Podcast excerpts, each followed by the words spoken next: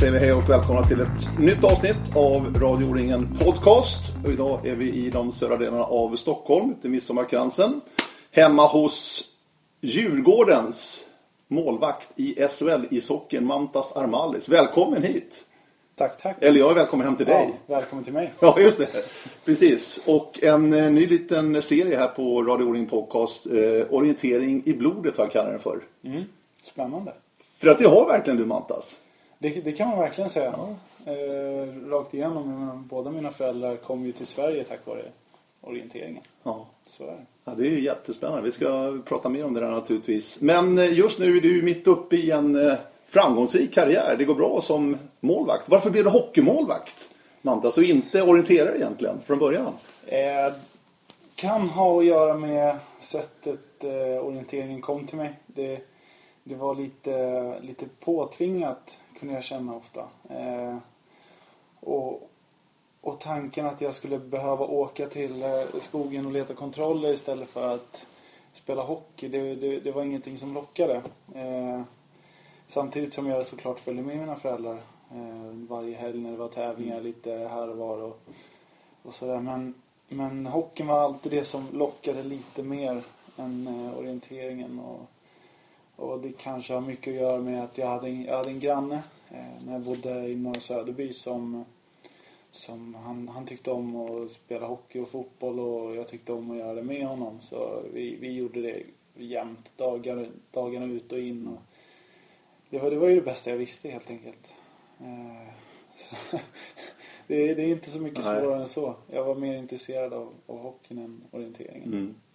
Om vi, om vi tar det här från början. Dina föräldrar eh, flyttade alltså till Sverige innan du föddes. Ja, Och sen åkte de hem för att föda dig i Litauen.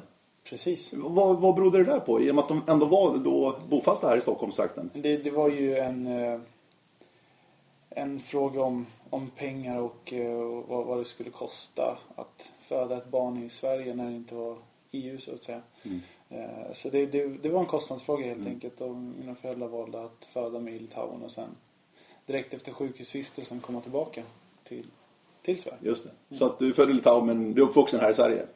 Precis. Hur mycket litauare känner du som då, Mattas? Nej, inte så jättemycket. Gör du inte det? Nej, jag, jag pratar ju språket och det är klart man känner sig som en litauer när man, när man spelar landslag och så men samtidigt så jag, jag är uppvuxen i Sverige, uppvuxen med alla svenska traditioner, gått i svensk skola så, så det, är- det är väldigt mycket Sverige i mig.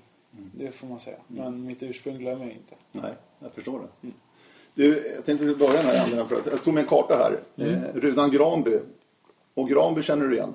Det gör jag. Ja, och Rudan också naturligtvis ute i Haninge. Eh, absolut. Eh, och här är det vad det gäller kartritare står det V. Armalis.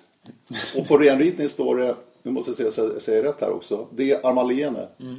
Det är farmor. Det är far och eh, jag är ju uppvuxen med, med att se dem många timmar framför, framför Okad. Är det så det heter? Ja, Okad. OCAD. Ja. Ja. Där de har suttit ja, tim, timme ut, timme in med, med kartritande och jag vet att pappa har varit mycket i skogen och, och ritat kartor helt enkelt. Och eh, jag det kanske var en, det är ett sätt att försörja sig på för dem under den tiden samtidigt som de startade eget företag. Granby då? Hur mycket har du varit i Granby? Hellas klubbstuga? Det har varit många Lucia-fester där med Hellas. Ja, verkligen. Ja, ja det, är, det är bekant. Och jag är bekant med trängen också. Det var ingenting jag tyckte om att orientera i Granby. För jag hade alltid jättesvårt för, för den trängen. Eh, Eftersom jag, jag inte orienterade mycket mer än på just tävlingarna så, så var jag kanske inte så duktig som jag hade kunnat bli. Mm. Eh, Och då, jag, jag tycker i alla fall att trängen i Granby är fruktansvärt tuff. Den är riktigt tuff. Ja, Det kan jag skriva under på. ja. Verkligen. Så jag, jag, hade, jag hade inte många roliga kvällar där. Men då hade du redan börjat med hockeyn i och för sig. Ja, Ja. ja, ja. Att du, det var lite träning vid sidan om. precis. Ja. Hur mycket orienterande blev det de senaste åren då, om vi ser så Mantas? Du, du flyttade upp till Mora på hockeygymnasiet. Ja. Eh, spelade med Mora Hockey också, men blev det orientering där uppe, i de trakterna? Inte i, i Mora förutom när det var någon gång med, med laget eller någon gång på, på hockeygymnasiet någon uppgift som skulle göras för att, för att eh, man skulle få betyg i träningslära eller något liknande. Men eh, den sista tävlingen jag gjorde det var i eh, O-ringen. Eh, då sprang jag någon, någon öppen bana. Och det var 2008 om jag inte minns fel. Precis innan jag skulle flytta till till Mora när det var uppe i Sälen. Mm. Det var ganska nära till, till gymnasiet direkt.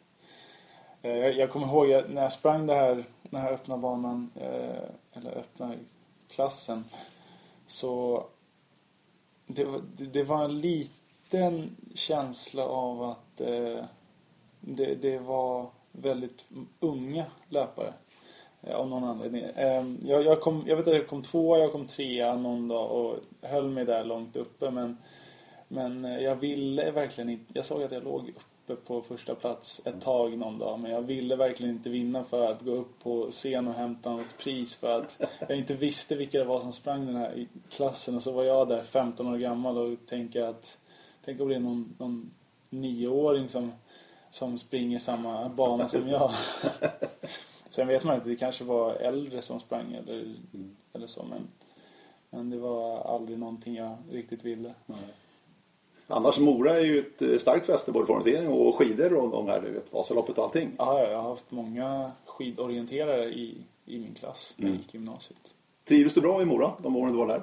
Ja, absolut. Alltså det, det, är, det är väldigt lägligt att bo i Mora, om man säger så. Allting ligger nära. Mm. Eh, speciellt för mig som då hade precis flyttat hemifrån 15 år gammal så det är inte samma sak som att jag kanske skulle flytta ner till Göteborg och bo i stan ensam. Utan allting låg nära. Jag hade två minuter till ishallen. Eh, jag hade 10-15 minuter eh, gång, 10 minuter cykel till skolan och, och fem minuter ner till stan. Så, så allting låg ju väldigt nära och, mm. och bra. Mm. Jag kom åt allting med cykel sett i backspegeln har det varit ett bra steg för din karriär också som eh, hockeymålvakt. Ja, absolut. Jag har ju... Jag träffade ju på väldigt mycket, många människor som, som hjälpte mig på, på många sätt och vis. Eh, första året så kanske jag stagnerade lite i min utveckling av olika anledningar. Eh, men sen hade jag ledare, bland annat, framförallt min målvaktstränare under juniortiden som, som gav mig de psykiska hjälpmedlen jag behövde. Eh, att kunna förstå att det finns inga genvägar. man kommer inte kunna leva på sin talang utan det är bara ut och mm. köra så hårt som du bara kan varje träning. Och med det, det, det tror jag är en väldigt stor del av, eh, av min framgång så att säga. Att, jag, att det har gått så snabbt uppåt. Eh, och samtidigt så i Mora så, så konkurrensen är inte lika stor som i en Stockholmsklubb. Och eh, jag fick tid på mig, de trodde på mig, jag fick tid på mig att utvecklas. Och nu är jag här. Mm. Hur är det där livet? Du, eh, och det, det, det, det, inte drabbas inte säga, men många ishockeyspelare blir ju utlånare när man liksom inte kanske är mogen uppgiften, inte mm. platsar och liknande för att få igång den. Sen, du har ju också upplevt det här att, och det är ju väldigt speciellt inom hockeyvärlden för att det lånar ju friskt ja, i hockeyvärlden. Det gör det. Och det har du också varit med om eh, Mantas i Mora då. När ja. du utlånade både till Söderhamn och Borlänge ja, Söderhamn, och Tranås. Söderhamn och Borlänge var mitt sista juniorår. Mm. Då spelade jag som junior i, i Mora men jag ville ha lite mer matcher. Eh, men är det svårt att komma in liksom när du kommer till ett nytt lag sådär? Tjena, här är jag. Ja, speciellt som det var då. Eh, med Söderhamn så då var det bara att ta bilen, plocka upp en spelare i Leksand som också skulle bli utlånad åka till eh, Avesta tror jag det var. Och där plockade Borlänge upp mig och honom okay. och vi åkte till eh, eh till Lindes, Lindes, Lindesberg. Lindesberg, kan ja. det stämma? Ja. ja. Vi åkte till Lindesberg och, och spelade mot dem borta. Det, jag menar, komma in i ett nytt lag sådär samtidigt som det var. Det var ju ett bottenlag i, i den division 1-serien. Det, det, var en, det var en tuff, tuff uppgift. Eh, jag menar, träffar de här killarna i någon timme innan man ska på, på det här med att värma upp och sen ut och köra. Mm. Eh, Borlänge var inte riktigt samma sak. Där körde jag ändå ett träningspass innan. Men också där då kom jag dit. Deras eh, första keeper var skadad. Eh, min andra seniormatch. Och det var seriefinal mot Hudiksvall. Eh, och det gick ju inte så bra. Gjorde det. Det gjorde inte Det gjorde inte det, nej. Eh, jag tror vi förlorade med, eh, om det kan vara 4-3 eller 5-4 efter eh, förlängning. Och sista målet var verkligen, det var ett sådär mål alltså. Nej, jag, var inte, jag var inte nöjd med min insats jag tror inte de var så nöjda med min insats heller eftersom jag inte fick fortsätta. Däremot fick jag en eh, väldigt mycket bättre erfarenhet när jag blev utlånad mitt första seniorår till, eh, till Tranås. Och då var det, jag kom dit på, i, i augusti, körde lite sommarträning, körde hela, hela försäsongen med dem och då, då kom man in på ett helt annat sätt samtidigt som de, precis, de, de trodde ju att jag skulle komma dit och, och göra ett bra jobb. Mm. Och då, då gjorde jag det, Mm. helt enkelt. Men där var det i princip hela säsongen då i Tranås. Då var det hela säsongen. Och det, och det var en av förutsättningarna när jag skrev på med, med Mora att jag framförallt första säsongen skulle bli helt utlånad hela säsongen. Sen näst, nästa var tanken att jag skulle komma tillbaka då. Eh, på vilka villkor det var, det, det var inte klart. Men, men just att första säsongen, då är det hela året utlånad. Mm. Och det löste sig bra. Men vad hände då förra säsongen i Mora, det som blev din sista säsong då i Mora? Jag jobbar ju också med hockeyn då, vid Hockeyallsvenskan och ser- såg ju det ganska ofta. Där du och Marcus Högberg då, där det kändes som att Marcus Högberg inordnad för Linköping var den man skulle satsa på lite grann som första målet kanske. Det, det var säkert tanken. Det, eller jag vet att det var tanken att jag, skulle, jag, jag kom in som reserv helt enkelt. Och, och samtidigt har jag alltid haft det i mig att, att jag kommer inte slås ner av det. Jag, jag har ofta känt mig lite som en underdog som slår underifrån. Och, och det fick jag göra även den här gången och det, det gick ju bra. Eh, Och jag trodde på mig själv och i längden så, så, så, så blev det ju bra. Liksom. Men vad känner du då liksom att eh, när du väl får chansen? Att, för det gäller verkligen att ta chansen då, Ja. när du väl får stå. Ja, precis som nu. Ja, precis som nu i Djurgården. Jag, menar, jag har ju Mikael, Mikael Tellqvist framför mig. Det är både en ikon i Djurgården och en ikon i svensk hockey och väldigt, väldigt duktig målvakt. Eh, då gäller det att göra bra ifrån sig när man väl får chansen så att, så att, de, eh, så att man liksom sätter lite tvivel i, eh, i tränarnas huvuden. Mm. Egentligen. Det är det det handlar om. Att, att de ska börja tänka, men vad händer om vi ställer honom igen? Eh, Då kanske de börjar, börjar tro på mig mer och mer. Och till slut, så som i Mora, då, där till slut tog jag över. Mm. Så, så var det. Jag stod 40 matcher i, i Hockeyallsvenskan, vilket ingen tror jag hade trott. Oavsett hur bra jag var i division 1 så jag tror ingen hade trott att jag skulle stå 40 matcher och hamna tvåa i, Mm. i, eh, i räddningsligan. Så, Men, men jag tänker så här Mantas, den här pressen du ändå, du måste ändå känna en viss press att nu måste jag leverera. Nu måste jag stänga.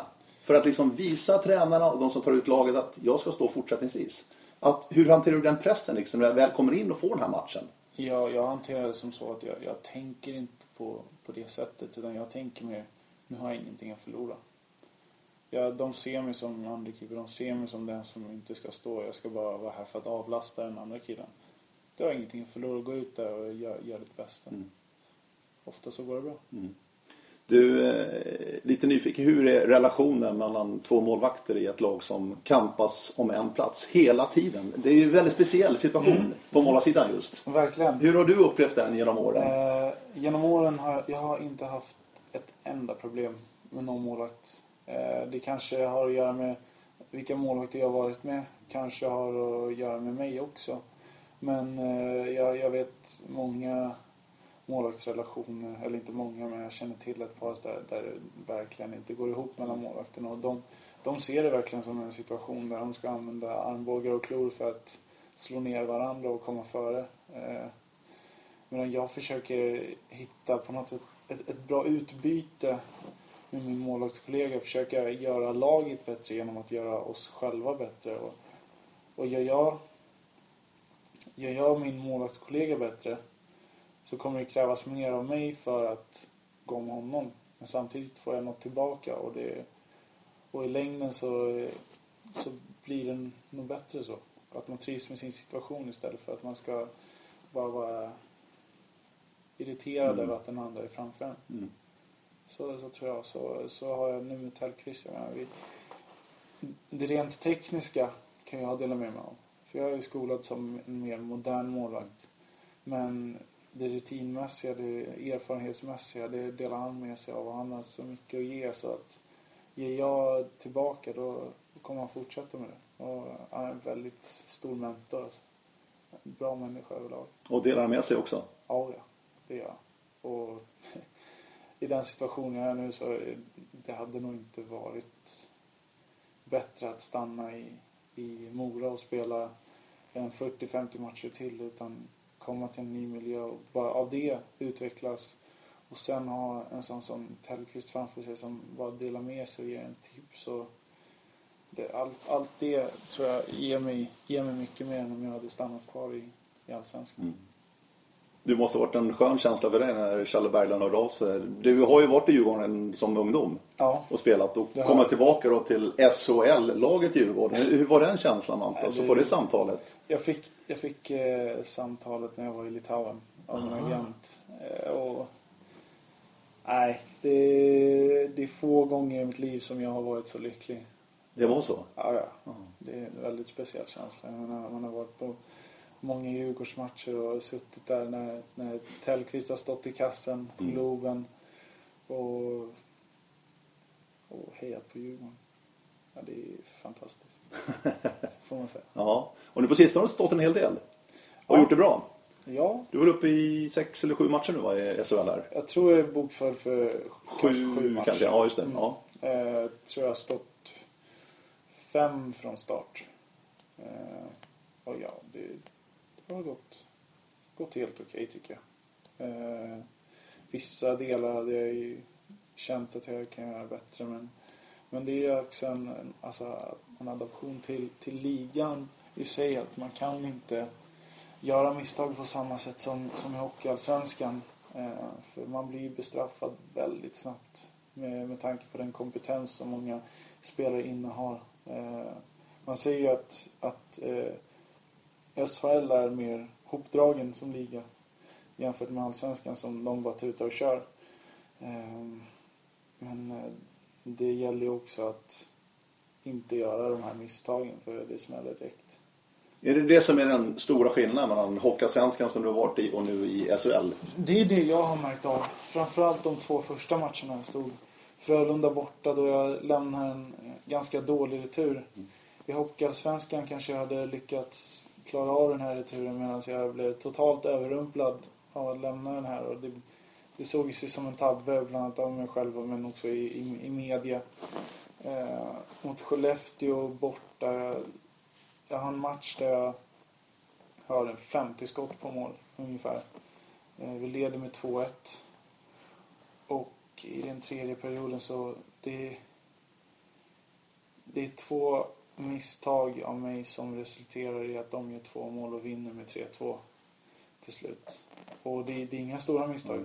Det är marginaler på, på millimeter alltså. Det, ett mål där Widing rundar kassen och jag ser, jag ser inte honom. Jag ser inte när han tar skottet. Mm. Han passerar målet, går upp mot eh, cirkelkanten och vid hashmarks så tar han, tar han skottet.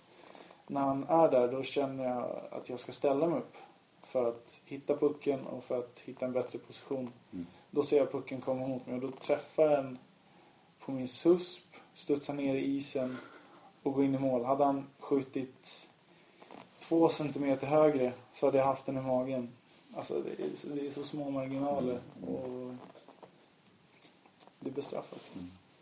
Du, hur, hur eh, jobbar ni då i Djurgården med er målvaktstränare? För att alla lag nu i de högre divisionerna har ju en, en målvaktstränare. Ja, så är det. Hur mycket jobbar ni med att titta på matcher i efterhand och specialträning? Alltså, ni är väl lite separerade mot övriga laget kan jag tänka mig?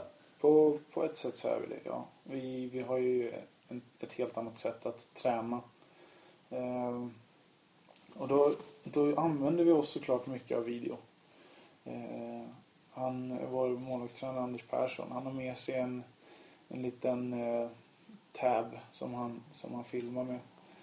Eh, när, vi, när vi gör olika övningar och det är, det är väldigt gynnsamt att se det här så att man ser vad det är man gör för fel, vad det är man kan förbättra, hur det ser ut när man gör de här grejerna för att... Så han spelar in på isen och visar sen Ja. direkt alltså? Ja, när man väl är på isen. Så kör jag en övning så kanske han filmar och medan Tellan kör så kan han visa mig vissa detaljer som, som jag vill se och han vill visa. Eh, till matcherna så har ju de flesta lagen också att de, de, de har eh, material på matcherna och de sparar vissa sekvenser genom olika program. Och det har ju även vi såklart. Eh, så då brukar vi kolla på matcherna efteråt. Och det är också för mig ett sätt att stänga matchen. Att först se, se målen. Att se vad som, vad som jag har gjort för fel, vad jag kan göra bättre. Samtidigt som jag får se alla, alla skotten och situationer där jag faktiskt gjort, gjort bra grejer. Eh, så man inte bara hamnar på det negativa.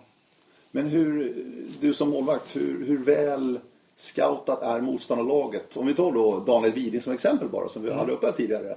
Hur, vet du ungefär hur han brukar skjuta? Om du förstår vad jag menar? Liksom att, Ja, Förstår det- du vad jag menar? Det, man, man brukar ha vissa spelare som man ser, framförallt i, när vi har boxplay. Mm. Man, brukar- man brukar ju ofta scouta motståndarnas powerplay. Mm. Det, det gör nog de flesta lag för att det är ett så pass eh, viktigt verktyg i, i hockeyn. Eh, och då, då brukar man se att ja, den här killen han står på point här borta och brukar gilla att ta skott. Eller den här killen han, han skjuter aldrig, han kommer passa i vilken situation som helst. Eh, för att då kunna an, alltså, vara ett steg före. Att till exempel om, om det är en kille på vänsterkanten, han kommer inte skjuta. Då behöver jag inte gå ut lika hårt på honom utan kanske titta mig runt. Vilka passningsalternativ har han? Så att jag kan vara där snabbare och stoppa pucken. Mm. Medan eh, en sån som Widing som, som eh, gärna skjuter och skjuter väldigt hårt och bra så kanske man vill vara lite hårdare på honom. För att ha en större chans att ta en skott. Så det här är kanske är en dum fråga Mantas, men du är aldrig rädd någonstans, någon gång? På isen där, i några situationer? Nej, in- inte under match. Nej. Eh, Jag hade en period när jag var, när jag var liten. Jag var, kan jag varit 12 år gammal. Jag hade ett, ett par korta benskydd som var kanske lite för gamla för, för mig och lite för korta. Samtidigt som jag inte hade så bra knäskydd. Eh, killarna i laget hade precis börjat lära sig skjuta slagskott, skjuta mycket hårdare. Och då, på den tiden så tänker man ju inte på målvakten när man går in och skjuter. Utan då kanske man står två meter ifrån och drar det hårdaste skottet man kan få till för att det är kul. Och jag vet att jag några gånger fick skott på knäna. Eh, där skyddet hade flyttat på sig och det, det var slagskott rakt knäna. Och det, nej, det var ingen kul upplevelse. Det var det inte. Och då, då hade jag nog ett par månader, eller ett halvår kanske det var till och med. Den, just den säsongen där jag faktiskt var lite rädd. Lite rädd för puckarna. Men sen dess, det, det är klart man får ont och man får blåmärken men man, men man vet att ju bättre man är förberedd för situationen desto bättre kommer man ta, på, puck- ta pucken och, och blir man rädd eller blir man försiktig på något sätt så är det högst troligt att du kommer få ont. Mm. Jämfört med om, om du liksom går på pucken. Precis Mm. som när du går in i en tackling. Om du är beredd på den, om du står emot tacklingen istället för att försöka Mm. flytta på dig så, så brukar det bli bättre. Mm. Och sen är ni ju välskyddade. Där. har ju oerhört mycket på er. Hur mycket mer väger du med skydd, utan skydd? Har du, hur, mycket, hur mycket väger den Jag, jag har faktiskt inte tagit fram någon siffra. För det är några kilon i alla fall. jag kan tänka mig att det är en, från 10 till Ja. 20 kilo. Ja, för att ni, ni är ju stora, många, du är också över 1,90. Ja. Eller runt 1,90. Ja. Och det är ju liksom målvaktssizen nu och ni fyller ju upp Mm. stora delar av målet. Ja, det, Så är det ju. Så är det. Visst är det så. Ja. Eh, och speciellt när grejerna blir blöta. Då blir det ett extra antal kilon. Och nej, det är klart, det är tufft. Mm. Det blir tufft när man ska åka skridskor med ut till spelarna. Ja. Men jag har många som, många som liksom inte, inte kan ishockey, de undrar liksom, hur kan ni röra er? För att ni, ni har ju så otroligt mycket grejer på er alltså. Det, det är verkligen en vanlig sak. Alltså. Eh, I början av säsongen är det väldigt tufft att röra på sig. Men, eh, men jag menar, det, det är precis som allt annat. Alltså man, man hittar sätt att röra på sig och, och grejerna blir mjuka till slut. Så, Men får ni nya grejer varje säsong liksom? ja. Det är så? ja De slits på en säsong eller kanske mer än på, så? På, på proffsnivå så, så får man i alla fall ett, alltså två, ett, två par benskydd. Mm. Beroende på hur många man vill ha också. I vissa klubbar så finns ju inte de ekonomiska möjligheterna förstås. Men, men om man verkligen, verkligen vill ha två par benskydd så ska inte det vara något problem. För att det kan behövas. För att de, man, man tränar ju så mycket. Man är på is Mm. för, alltså, x antal gånger i veckan och man har matcher. Och, och de här grejerna håller ju inte för, för en hel säsong. Jämfört med när man var liten. Då, då kunde man ha samma par benskydd i två, nästan tre säsonger utan problem. Då var det bara att man växte som var, som var problemet. Då blev ju de för korta. Plötsligt. Precis. Du, annars då, som, eh, det är ju ditt arbete att spela ishockey, Mantas. Stämmer? Känner du dig privilegierad?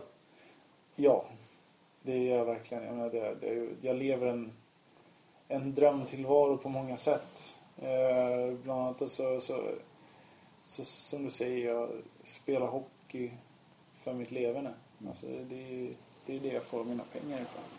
Samtidigt som jag bor i den stad som jag, eh, som jag är uppvuxen i och som jag älskar. Så jag är på väldigt många sätt privilegierad. Men det är ett tufft liv samtidigt. Jag menar, hur, hur, hur ser det ut? Kan man beskriva på något sätt? För försöka förklara för människor liksom, vad det innebär att vara liksom, ett proffs i ishockey här i Sverige. Ja, alltså man, man kan ju tro att det är väldigt glamoröst på många sätt att, det- att man bara ska träna någon gång per dag eller ett par gånger per dag och sen så kommer man hem har man fritid från lunch och, och framåt. Men, men samtidigt så har man ju matcher där man har rest, alltså två, re, två tre resdagar i, i veckan. Och till exempel när vi mötte Färjestad borta nu, hade Luleå hemma dagen efter. Då har vi Färjestad som vi möter klockan sju på kvällen. Eh, ska åka från Karlstad vid klockan tio. Kommer hem klockan två kanske.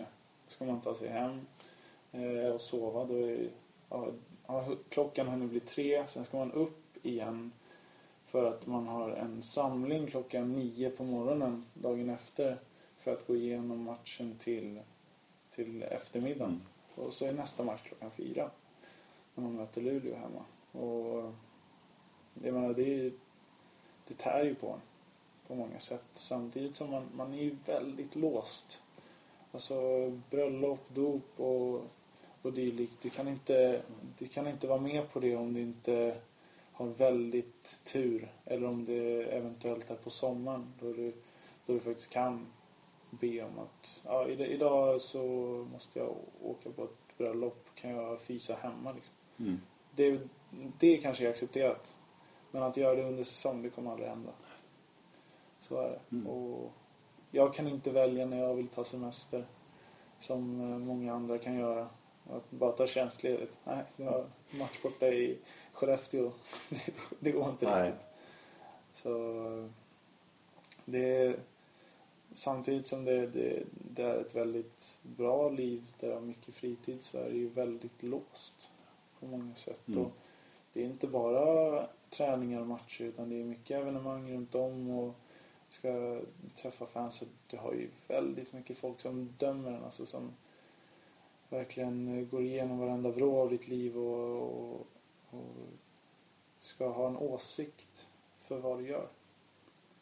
Men å andra sidan tycker jag då att ni har Sveriges bästa idrottspublik Ja, på Hovet. ja, Det måste vara helt fantastiskt Mantas att liksom få spela på den där isen inför de fansen. det, det är en väldigt, väldigt bra känsla.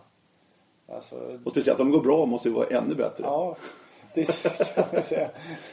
Går det dåligt då är det lite tuffare men alltså nu, nu när det har gått så pass bra för, för oss som lag så jag menar, inramningen på Hovet, det, det går inte att slå. Det, jag tycker inte det finns någonting som det. Men går det att beskriva den känslan när ni skrinar in där inför första nedsläppet inför matchen? För det är ju öronbedövande där inne. Det är svårförklarat men Ja. eh, ren, alltså ren eufori kanske. Kanske man kan beskriva Ja. som speciellt som, som jag själv som är uppvuxen med att ha, ha hejat på Djurgården hela, hela mitt liv. Och uppvuxen här i Stockholm då, då blir det en lite extra känsla av det. Mm. säga. Ja, det är häftigt verkligen alltså. Mm. Tänk på en annan sak eh, som anställd i Djurgården som hockeyspelare. Hur bra koll har de på er vad gäller fysiska tester, era värden, vad ni äter? De här bitarna som är väldigt intressanta. Även för orienterare som också är, tränar väldigt hårt som du vet och också har, har koll på det. Hur bra koll har ni då inom ishockeyvärlden på det här?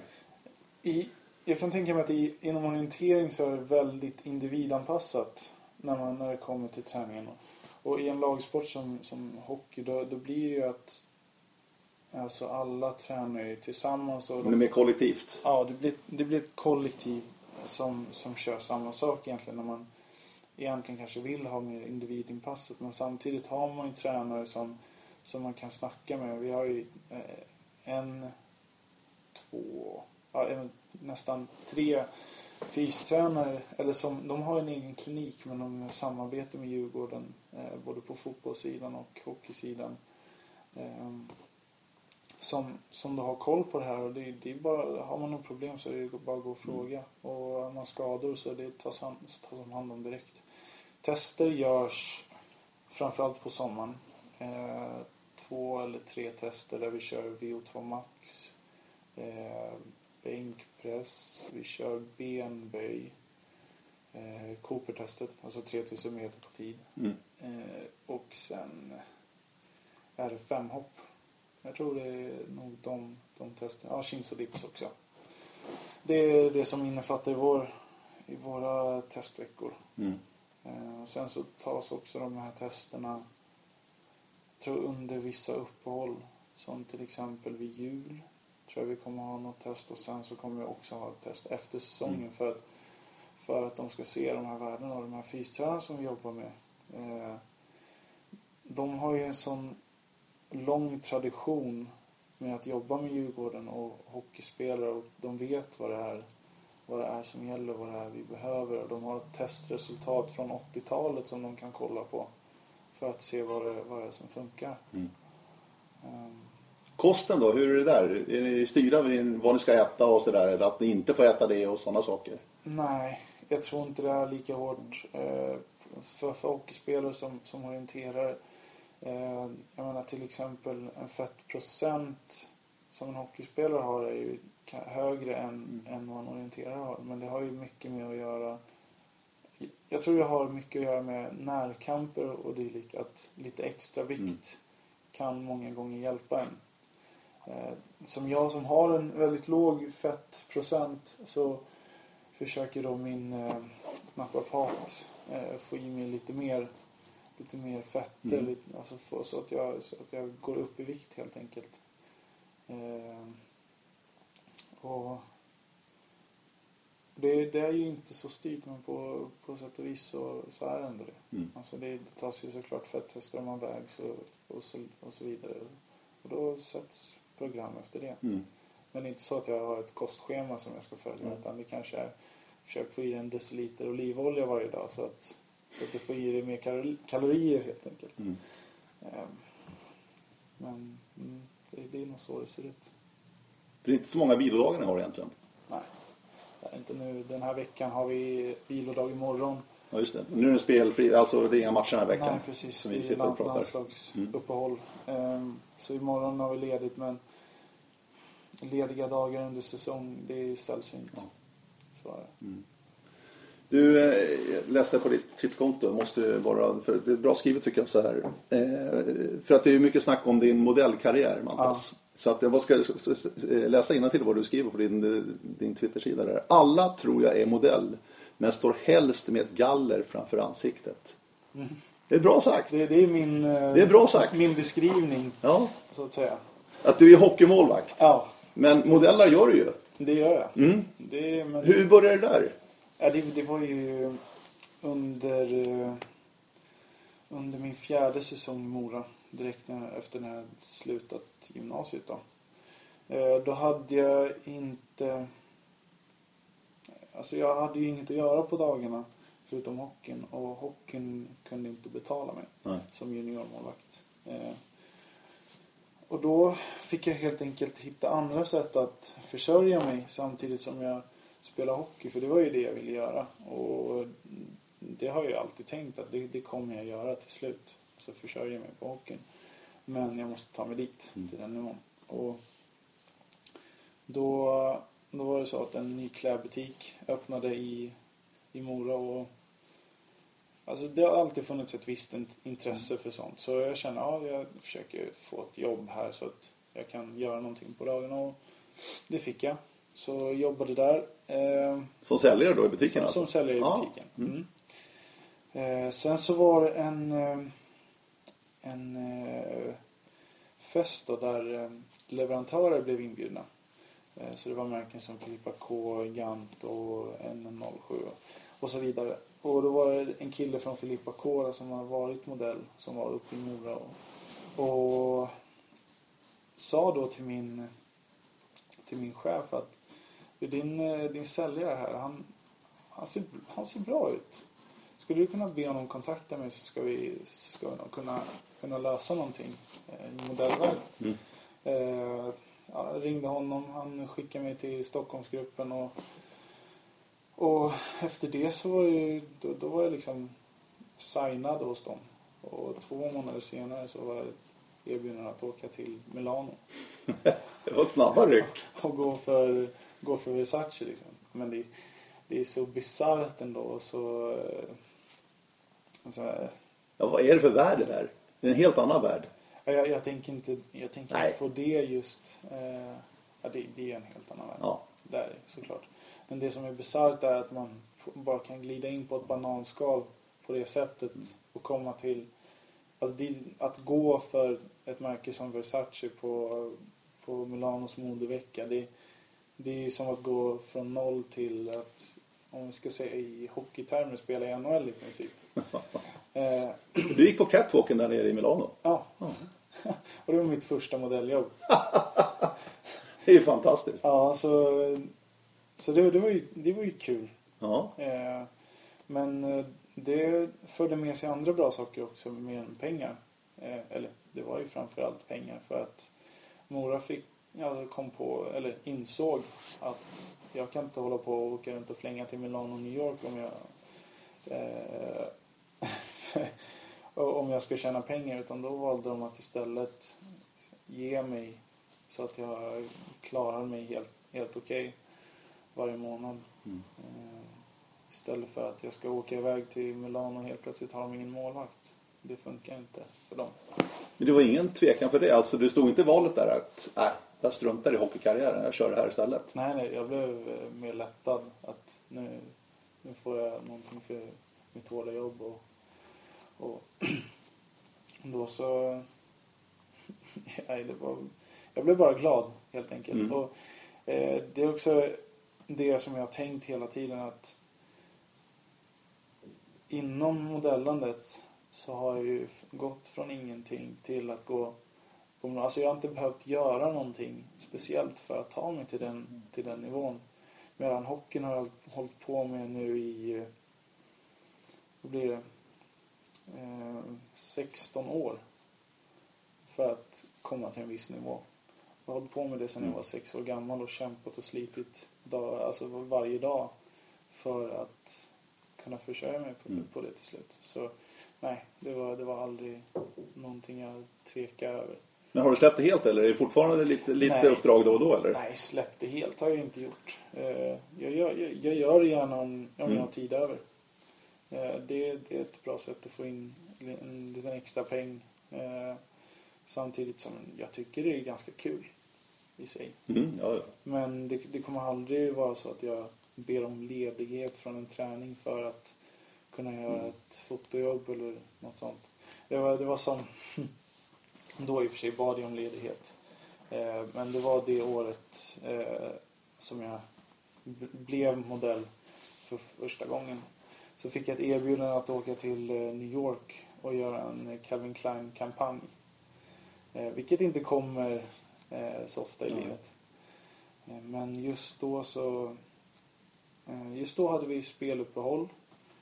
Men vi hade stundande kval med J20 om två veckor senare. Mm. Så jag fick inte, jag fick inte lämna för att, för att eh, åka till New York ett par dagar helt enkelt. Men samtidigt är jag, jag är inte bitter över det. Men om vi återupptar målvaktskarriären. Vad, vad ser du framför dig? Vad, vad har, du, har du satt upp något mål Mantas? Eller är du framme vid målet nu när du är uppe i SHL, högsta ligan här i Sverige? Uh, nej, det, det, det är klart ett, ett mål har varit att få spela i SHL och speciellt för Djurgården.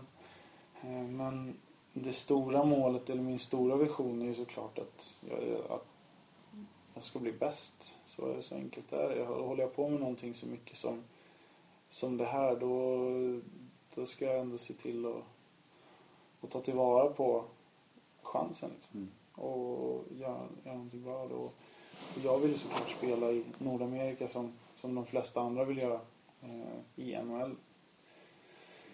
Eh, och när jag känner att det har gått så, så pass snabbt i utvecklingen och det har gått uppåt ett steg för varje år så det är inte, samtidigt som jag känner att det, det är ganska långt bort så är det inte så långt bort. När jag är 22 år gammal i SHL, det, det finns fortfarande en chans. Mm. Och nu ser vi också borta Nordamerika att det är många, ja nu är det svenska målvakter men jag ser det som nästan helt svensk. Fast Ja, har det- Litauens pass. det spelar för Litauen i, i, i socker då. Men ändå, det är ju många svenskar nu som verkligen tar plats där borta. Och Ja. känner du att du är ganska nära då när man ser vilka som är där borta? Ja, absolut. Mm. Och även, även målvakter som har gjort det väldigt sent i, liv, i, i karriären. Jag tänkte säga sent i livet, men de är Mm. bara, bara 30 år gamla, vilket inte är så sent i livet. Men sent i karriären och som målvakt så kanske det är, det är viktigare med rutin än fysik. Eller, eh, nu ska jag inte säga så, men eh, de som utvecklas lite senare kanske ändå skaffar sig väldigt mycket rutin som till exempel eh, Viktor Fast och, och, och de här målvakterna Mm. som kommit till NHL vid 29-30 års ålder. Eh, så jag menar det finns jag har all chans i världen att kunna ta mig dit. Och då har du fortfarande några år på dig. Ja, precis. Så nej, det, det, det är min, min vision är såklart att bli, bli bäst men eh, att, att spela i NHL är, är någonting jag alltid drömt om och som jag, som jag vill göra. Det låter ju väldigt, väldigt trevligt. Ja, Vi skulle ta och avsluta det här tänkte jag. Eh, Ja. Jag tänkte vi skulle ta oss tillbaka till orienteringen lite grann Mantas. ja. Eh, har du något skönt orienteringsminne att berätta för våra lyssnare? ja jag kan ju berätta om alla gånger jag sprungit vilse. Eh, nej, men det har varit så många gånger då jag har sagt till mina föräldrar att det här är sista gången jag springer orientering. Men om och om igen så har de på något sätt fått ut mig i skogen för att leta kontroller.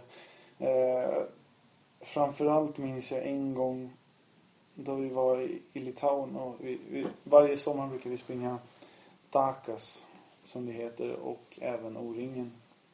Den här gången var vi i Litauen och vi var vad kan jag ha varit? Jag måste ha varit 12-13 år gammal. Sprang en bana och, och på den tiden så jag hade ju inte så jättelätt för litauisk litauiska. Mina föräldrar de pratar en annan dialekt och det är den jag har lärt mig. Så jag sprang, sprang lite fel och eh, insåg att nej nu hittar inte jag längre. Så jag frågade någon som, som springer förbi. Så jag tror jag frågade kanske tre, fyra stycken in, innan jag, eh, alltså för att försöka visa mig. Men jag, fick, jag kom inte underfund med det på något sätt. Så jag tänkte, nej, ni kan inte fråga för jag försöker springa. Sprang jag ännu längre bort in i skogen och nej, då var jag verkligen helt vilse. Det var inte ens folk runt om mig. Så jag kanske hade tagit fem av tolv kontroller och kände nej, nej, nu ger jag upp. Och så försöker jag springa åt andra hållet och lyssna efter ljud. Till slut så hör jag spiken och bara springer dit. Tar sista kontrollen, springer fort som fan in i mål. Och mamma kommer till mål och så skriker jag Nej! Nu är det sista gången jag springer orientering. Aldrig mer! Aldrig mer! Det, det var nog den gången jag kände det som mest men såklart nästa år så var man där igen. Ja. Ja. Och det blir väl någon flera gånger framöver också? Det, det vet man aldrig. Nej, Eh, precis. jag menar med, med Djurgården kanske, kanske det blir någon Ja. orienteringstävling. Men Mora hade du någon kul grej på Grönklitt ju. Ja, då, då var det ju eh, då var det som så att vi hade lite tävlingar under dagen eller dagarna innan då vi var ute i Nusnäs som det heter utanför Mora Mm. och körde lite fotboll och lite, lite andra lekar för att bland annat en eh, cykelorienteringsstafett ungefär där vi hade lite kontroller på vägen som vi skulle göra olika utmaningar. Och efter den här dagen så stod det, det stod lika mellan lagen. Eh, på något sätt. Mm.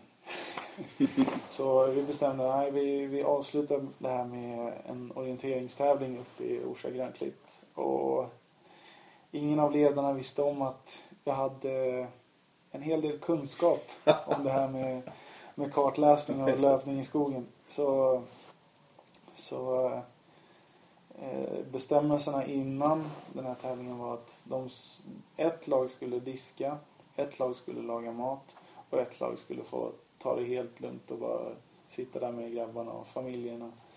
Eh, och ja, man kan väl gissa vilket lag som fick, fick vila. Det gick bra alltså? Det gick bra. Ja. Men också en grej med, med, som är intressant med Djurgården och min far då. Eh, när jag var, jag, jag vet inte hur gammal jag var men eh, min bror var i alla fall tillräckligt gammal, han är fem år yngre. Han var tillräckligt gammal för att, för att eh, prata. Eh, då så hade nog Djurgården fått för sig att de skulle springa orientering. Eh, och på något sätt så jag vet inte, det kanske var min pappa som hade kontaktat dem eller om de hade kontaktat honom. Mm. Men i alla fall så hade min pappa hand om en, en orienteringsdag för Djurgårds, Djurgårdens hockey, deras A-lag då. Och de skulle till Granby och springa. Eh, jag tror det var någon målvakt som faktiskt försvann i skogen. Nej. Jo. En finsk målvakt, jag kommer inte ihåg hans namn. Jag har faktiskt frågat våra fystränare eh, nu i efterhand om de kommer ihåg det här. Ja, jo. Eh, det var ett par spelare som försvann ute i skogen.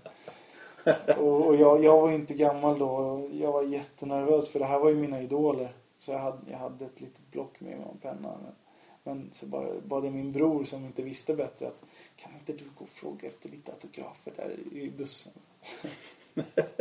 så jag hade skickat iväg honom för att hämta autografer. Ja, men du får ta med dig Djurgården nu då, ut någon gång. Ja, Till Granby vet du. Ja, precis. Ja. Du berättade att, eh, det känner du också av, precis som jag och alla andra orienterare, att man blir väldigt stark i fotlederna. Ja. Någonting du har nytta av som målvakt. Ja, både som målvakt och, och som hockeyspelare. Ja. Jag, jag menar, under, under försäsongen, under fyssäsongen så är man ju mycket ute och springer och ute och springer i skogar och sådär. Och det är många som har alltså, vrickat fötter eller på något sätt skadat fotleder vilket jag aldrig har haft något problem med. Och på det sättet är det en väldigt stor fördel. Mm. Samtidigt som jag fick en väldigt bra grundkondition av att springa orientering. Mm. Vilket har gynnat mig nu. Avslutningsvis. Hur eh, klarar sig Djurgården säsongen 14-15 i SHL Mantas? Det har ju öppnat, alltså många trodde inte alls på Djurgården, men ni har ju visat verkligen att ni kan ta poäng utav alla lagen. Ja, och det tror jag vi kommer fortsätta göra. Och förhoppningsvis ännu bättre. Så eh, vi, vi siktar såklart på en slutspelsplats. Så enkelt är det. Mm. Tack så hemskt mycket för att vi fick träffa dig. Tack för att du kom. Första avsnittet i eh, orientering i blodet med Mantas Armalis, alltså målvakt i Djurgården Hockey. Och före detta orienterare. Kanske framtiden också, man vet aldrig. Har ni förslag på andra elitidrottare som håller på med andra idrotter än orientering, som har orientering i blodet, så hör av er på radio snabel Bra, tack ska ni ha. Vi hörs. Hej då.